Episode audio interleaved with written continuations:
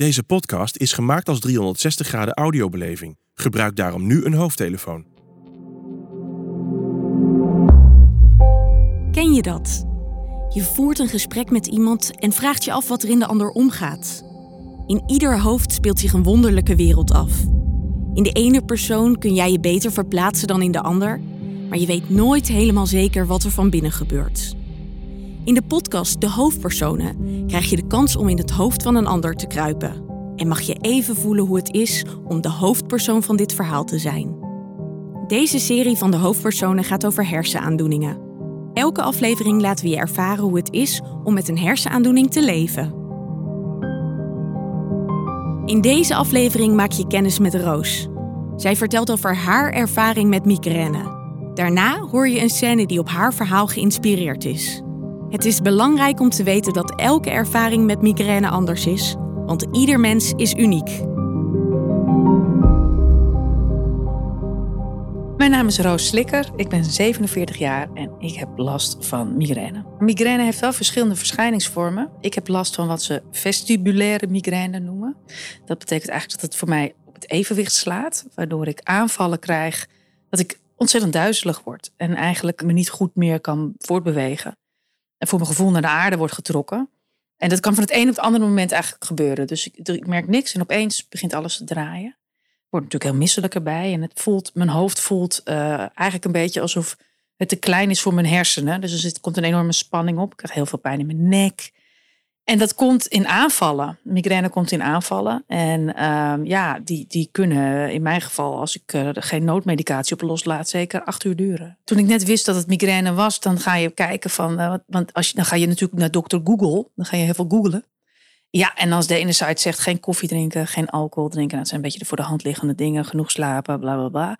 Dus gezond leven. Maar ik leef vrij gezond. Ik drink bijna geen alcohol. Ik drink wel koffie. Nou, ben ik een tijdje mee gestopt. Maakt er geen zak uit. Ja, dan had ik weer ergens gelezen, geen suiker eten. Nou had ik helemaal geen suiker meer, hielp ook niet. En totdat ik op een dag ergens las, je moet geen kiwis eten. En toen dacht ik, nu word ik knettergek. Hier ben je ook mee op. En ik heb toen met een neuroloog gesproken en die zei ook van ja, er zijn wel potentieel bepaalde triggers, maar dat is eigenlijk nog heel slecht bewezen. Dus stress kan. Hormonen, dat is wel, met hormonen is wel een duidelijke bewezen link. Maar verder, wat je eet en wat je drinkt. Zij zei het heel goed tegen mij. Ze zei van ja, mensen denken dan, ik heb chocola gegeten en daarna kreeg ik migraine. Maar wat vaak zo is, is dat je migraine krijgt, zomaar. En dat je dan nagaat, wat heb ik daarvoor gedaan? En dat de schuld gaat geven. Maar dat is natuurlijk andersom.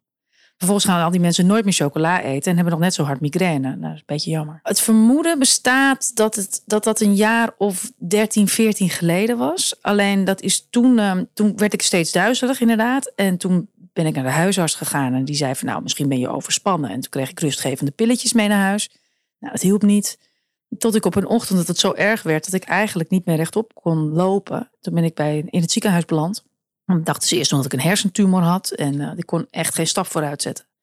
En een scan gehad, et cetera. En uiteindelijk hebben ze toen de diagnose gesteld dat ik een, uh, een soort verkoudheid aan mijn evenwichtsorgaan had. Maar als ik er nu op terugkijk, denk ik dat ik toen ook die vestibulaire migraine had. En vijf jaar geleden is mijn moeder overleden. En daarna heb ik het ook een, periode gehad, een aantal maanden. Toen dachten ze dat het loslatend gruis in mijn evenwichtsorgaan was. Ja, je kunt, zeker met evenwicht is heel ingewikkeld. Dus dat, dat, dat is natuurlijk ook een piepklein orgaantje. Dus je kunt daar van alles bij bedenken wat het zou kunnen zijn. En toen kwam het dus in de zomer van vorig jaar kwam het terug. En heviger dan ooit. Dus ik zat toen op echt, nou in oktober vorig jaar was ik op een piek van zo'n 20 aanvallen per maand ben toen weer gaan googlen en toen las ik zelf een lijstje met symptomen van vestibulaire migraine. En toen dacht ik, volgens mij is dit het. En ben ik zelf naar een neuroloog gestapt. En toen bleek ik inderdaad op migraine medicatie te reageren op zich. Een beetje.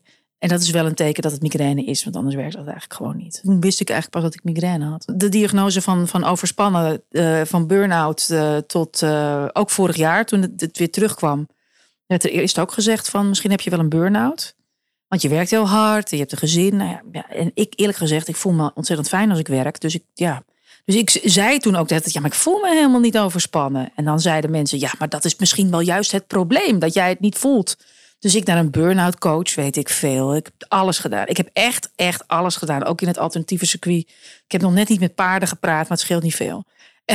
Echt alles gedaan. Kruidenmiddeltjes online gekocht en van alles. Het was uiteindelijk dus migraine. Bij mij is het 100% het evenwicht. Het is wel zo dat ik na zo'n migraineaanval ook nog lang allerlei symptomen hou.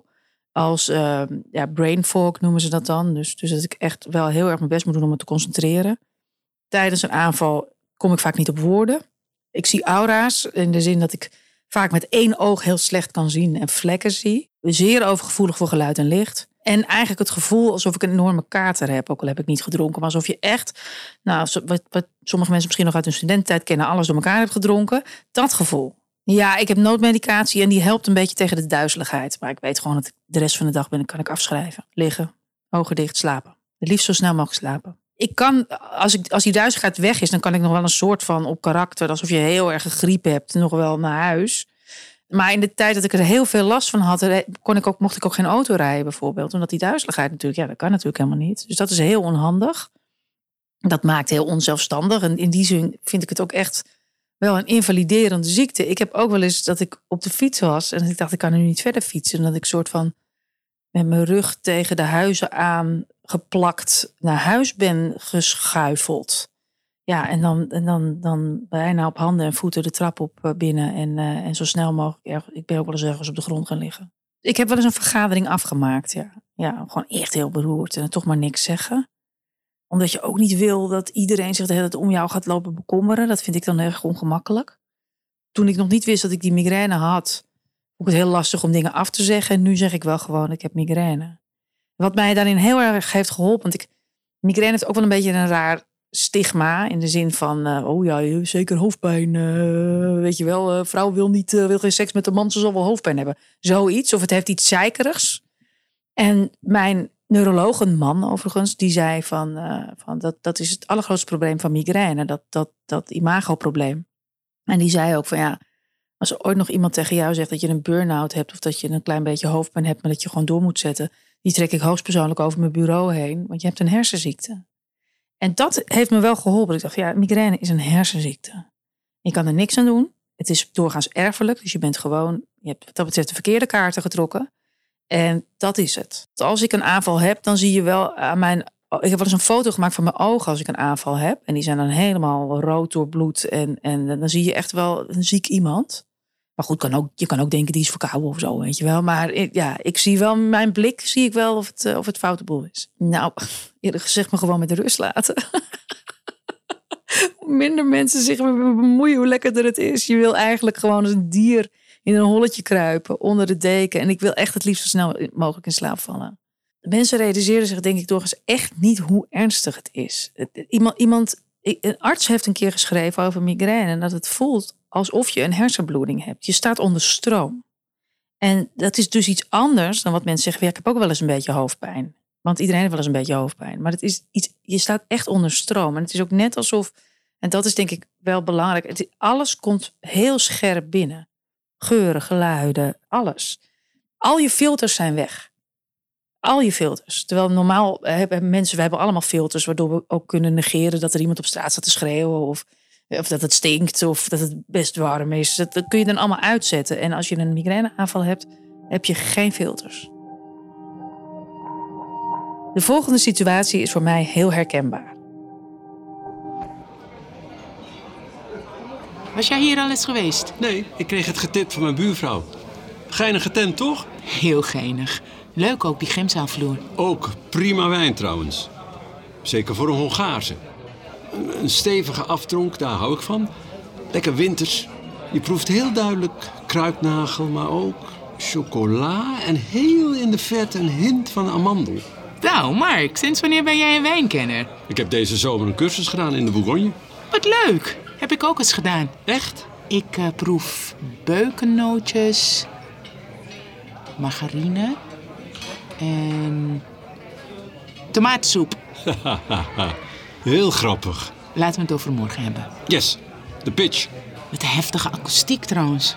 Valt toch wel mee? Shit, het zal toch niet? Het is een godswonder dat we er nog tussen geschoven konden worden. Dus we moeten echt met iets goeds komen. Ik denk dat we moeten beginnen met iets visueels. Meteen triggeren met beeld. Mm, zeker. Shit, dit gaat niet goed. En daarna ons persoonlijk verhaal. Ik vertel over mijn reis naar Indonesië en jij vertelt over je broer. Please, niet nu. Ik heb hier geen tijd voor. Misschien een ander tafeltje. Waar het rustiger is. Kut. Ook nog een vlek. Kira, joe. Sorry, wat zei je? Concentreer je, Kira. Niet op de aura's letten. Presenteren we alle cijfers in PowerPoint? Ja. Dat is... eh, Concentreer je nou. Dat Ik is... heb hier de gestolen makreel. Die is voor mij. En dan voor u de heekfilet. Wacht, dat had jij toch niet besteld? Wat had jij nou? Niet de heek, toch? Ik had de... eh, bloemkool. Je had de bloemkool. De... ehm, bloemkool, zeg het gewoon. Zo'n moeilijk woord is het niet. Bloemkool. Kira, Ik ga wel even in het systeem checken. hier. Gaat het? Ja, ja, prima.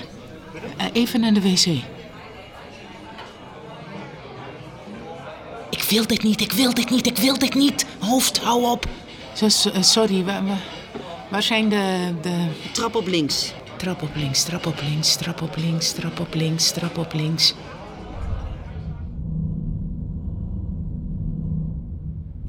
Wat een afgrijzelijk licht. Allemaal bezet.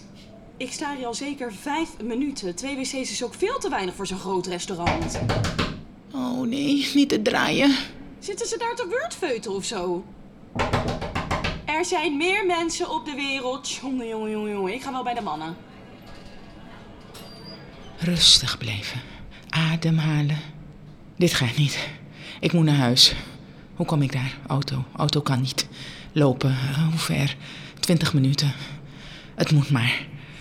In elk geval hier weg. Misschien wil Mark me naar huis brengen.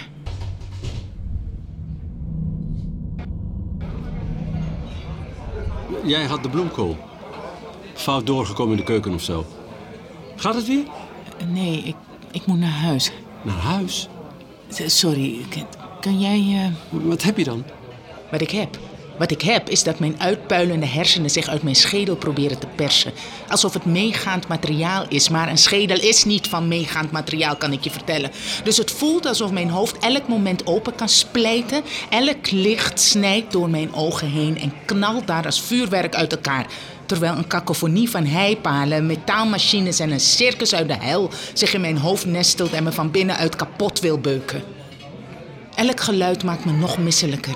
Alles draaikolkt om me heen. Ik wil weg. Ik wil me verstoppen in het donker. Niet in een donkere kamer, nee. Ik wil me verstoppen in het concept duisternis. Ik wil opgeslokt worden in een zwart gat. Of liever nog in niets. Ik wil opgeslokt worden in het niets. Ik wil verdwijnen. Migraineaanval. Migraine? Jezus, kom op, Kier. Ik heb ook wel eens hoofdpijn. We moeten echt vanavond die pitch fixen. Wacht. Ober, ik vraag een paracetamolletje voor je. Ober, De bloemkool komt er zo aan, meneer. heeft u twee paracetamolletjes en een glaasje water? Ik ga het even vragen. Twee paracetamolletjes. Wat een briljant idee. Helpt niet. Kijk het nou heel even aan, alsjeblieft. En onze pitch dan? Kira! Weg hier, weg hier, weg hier. Kijk uit! Liggen, ik moet liggen. Denk aan donker. Bioscoopzalen. Tunnels. Grotten. Kruipruimtes. Dikke, zware gordijnen. Zwarte gaten. Duisternis. Denk aan duisternis. Mevrouw, mevrouw, niet gaat praten, het? please. Niet praten. Ik ga hulp voor u roepen. Goed? Nee, niet roepen. Kenny? Kenny? Hier wordt iemand niet goed. Moeten we een ambulance voor u bellen? Mevrouw, moet er een ambulance komen? Donker. Stilte. Gordijnen. Mevrouw. Donker. Stilte. Gordijnen. Zou ze aan de drugs zijn? Denk aan donker. Misschien heeft ze een Denk aan broer. stilte. Met wie is ze hier? Ik ga kijken. Donker, stilte, gordijnen. Geef je maar over. Rustig ademhalen. Donker, stilte, gordijnen. Je kunt niks doen. Donker, stilte, gordijnen. Rustig blijven. Verzet je niet. Het gaat weer over. Donker, stilte, gordijnen. Rustig blijven. Ademhalen. Jezus, Kira. Sorry, ik, ik wist niet dat het zo erg was.